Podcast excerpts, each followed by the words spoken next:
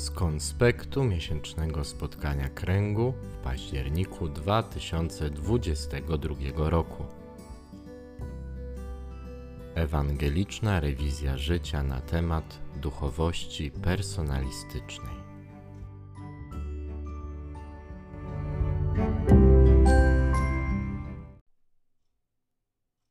Widzieć. Kim jest człowiek, że o nim pamiętasz, i czym syn człowieczy, że się nim zajmujesz? Pyta psalmista w Psalmie ósmym, próbując w ten sposób znaleźć odpowiedź na podstawowe pytanie egzystencjalne ludzkości: kim jestem? Od tej odpowiedzi uzależnione jest całe nasze życie, ponieważ ze sposobu pojmowania samego siebie i swojego życia wynika w konsekwencji przyjęty przez nas system wartości. W tym miejscu uwidacznia się napięcie między tym, co głosi Chrystus, a tym, co głosi świat. Współczesny świat próbuje nas przekonać, żebyśmy na powyższe pytanie odpowiedzieli w sposób światowy i przyjęli światowy system wartości, żebyśmy postawili w centrum samego siebie swoje potrzeby i pragnienia. Chrystus natomiast wskazuje nam inną, nową drogę. Daje nam nowe przykazanie, abyście się wzajemnie miłowali tak, jak ja was umiłowałem, żebyście i wy tak się miłowali wzajemnie. Więcej wskazuje na to, co dla świata i jego systemu wartości jest zupełnym nieporozumieniem. Nikt nie ma większej miłości od tej, gdy ktoś życie swoje oddaje za przyjaciół swoich. A nawet miłujcie waszych nieprzyjaciół i módlcie się za tych, którzy was prześladują. Dopiero próbując żyć w świecie, ale według wartości nie z tego świata, możemy doświadczyć, z jakimi konsekwencjami wiąże się rzetelna, prawdziwa odpowiedź na wspomniane na początku podstawowe pytanie egzystencjalne ludzkości.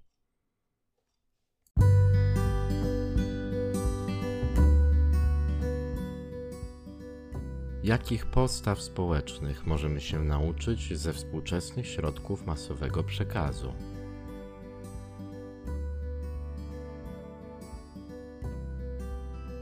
Z jakimi konsekwencjami wiąże się funkcjonowanie małżeństw i rodzin według systemu wartości, który proponuje współczesny świat.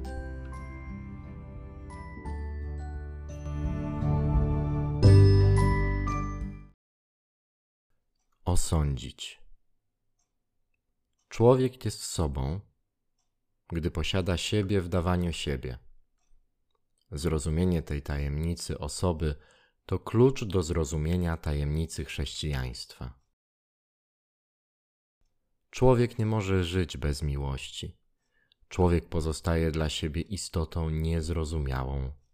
Jego życie jest pozbawione sensu, jeśli nie objawi mu się miłość, jeśli nie spotka się z miłością, jeśli jej nie dotknie i nie uczyni w ten sposób swoją, jeśli nie znajdzie w niej żywego uczestnictwa. I dlatego właśnie Chrystus, Odkupiciel, jak to już zostało powiedziane, objawia w pełni człowieka samemu człowiekowi. To jest ów, jeśli tak wolno się wyrazić, ludzki wymiar tajemnicy odkupienia. Człowiek odnajduje w nim swoją właściwą wielkość, godność i wartość swego człowieczeństwa. Człowiek zostaje w tajemnicy odkupienia na nowo potwierdzony niejako wypowiedziany na nowo, stworzony na nowo. Miłość i cywilizacja miłości realizuje się na drodze przezwyciężania różnych form egoizmu. Ma to swoją pozytywną nazwę altruizm, jako antyteza egoizmu. Miłość jednak, ta, o której pisze święty Paweł, jest czymś jeszcze bogatszym i pełniejszym.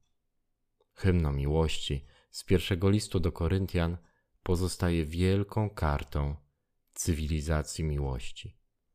Chodzi w nim nie tylko o poszczególne przejawy, zarówno egoizmu, jak też altruizmu, ale przede wszystkim o zaakceptowanie definicji człowieka jako osoby, która urzeczywistnia się przez bezinteresowny dar z siebie samej. Dar jest oczywiście darem dla drugiego, dla innych.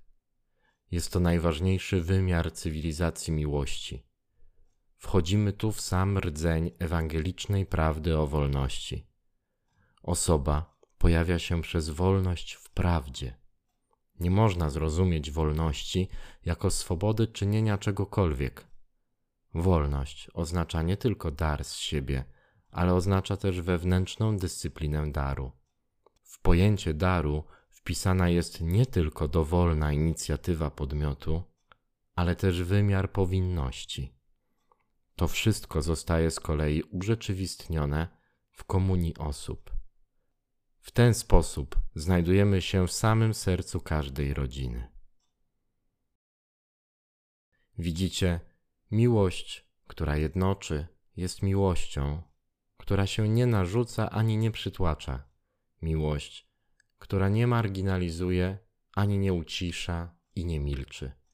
Miłość, która nie upokarza ani nie zniewala.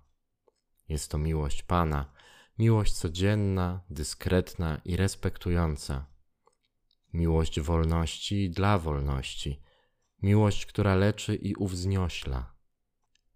To miłość Pana, która wie więcej o powstaniach niż upadkach, o pojednaniu niż zakazach, o dawaniu nowej szansy niż potępieniu, o przyszłości niż przeszłości.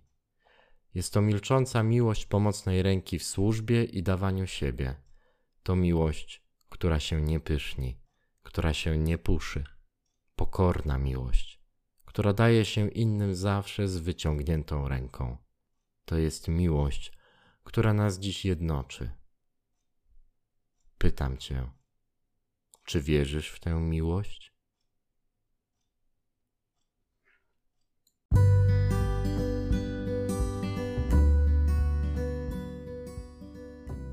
co w tych tekstach odkrywamy jako szczególne wezwanie dla naszego małżeństwa i rodziny. Na ile potrafimy przeżywać nasze małżeństwo jako relację, w której wzajemnie sobie służymy, posiadając siebie w dawaniu siebie? Jaką odpowiedź na zadane w Panamie pytanie otrzymałby dzisiaj od ciebie papież Franciszek. Pytanie: czy wierzysz w tę miłość? Działać. Spotkanie kręgu i dzielenie się swoimi przemyśleniami dotyczącymi tematu formacyjnego nie może zakończyć się na zdiagnozowaniu i ocenie w świetle nauczania Kościoła sytuacji, w której jesteśmy. Naszym zadaniem jest również wyciągnąć konkretne wnioski i podjąć wynikające z nich działania. Niektóre sprawy wymagają dłuższej perspektywy czasowej, inne można zmienić w prosty sposób. W obu przypadkach zaczyna się jednak od pierwszego kroku. Zatem, jeśli możesz i chcesz, zadeklaruj wobec wspólnoty kręgu, co zamierzasz w najbliższym miesiącu zmienić w swoim życiu małżeństwie i rodzinie, aby w większym stopniu posiadać siebie w dawaniu siebie.